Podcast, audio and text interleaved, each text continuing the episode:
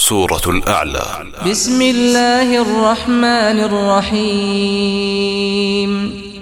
Dengan menyebut nama Allah yang maha pemurah lagi maha penyayang. سبح اسم ربك الأعلى الذي خلق فسوى والذي قدر فهدى والذي أخرج المرعى فجعله غثاء أحوى Sucikanlah nama Tuhanmu yang maha tinggi Yang maha menciptakan dan menyempurnakan penciptaannya Yang menentukan kadarnya masing-masing dan memberi petunjuk Dan yang menumbuhkan rumput-rumputan Lalu dijadikannya rumput-rumput itu kering kehitam-hitaman سنقرئك فلا تنسى إلا ما شاء الله إنه يعلم الجهر وما يخفى Kami akan membacakan Al-Quran kepadamu wahai Muhammad Maka kamu tidak akan lupa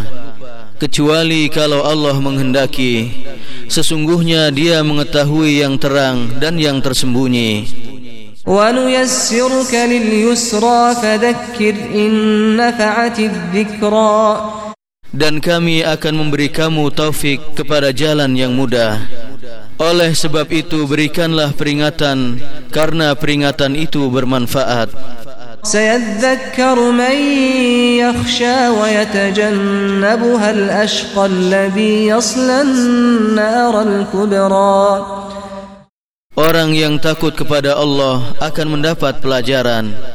Orang-orang kafir yang celaka akan menjauhinya.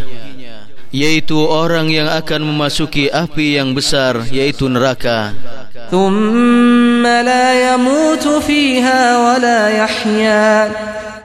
Kemudian dia tidak mati di dalamnya dan tidak pula hidup.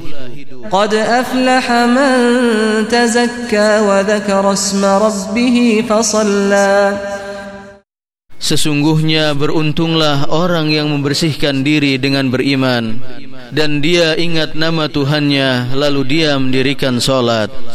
بل تؤثرون الحياة الدنيا والآخرة خير وأبقى Tetapi kamu orang-orang kafir memilih kehidupan duniawi sedang kehidupan akhirat itu adalah lebih baik dan lebih kekal inna hadza la fi as-suhufil ula suhuf ibrahim wa musa Sesungguhnya ini benar-benar terdapat dalam kitab-kitab yang dahulu yakni kitab-kitab Ibrahim dan Musa.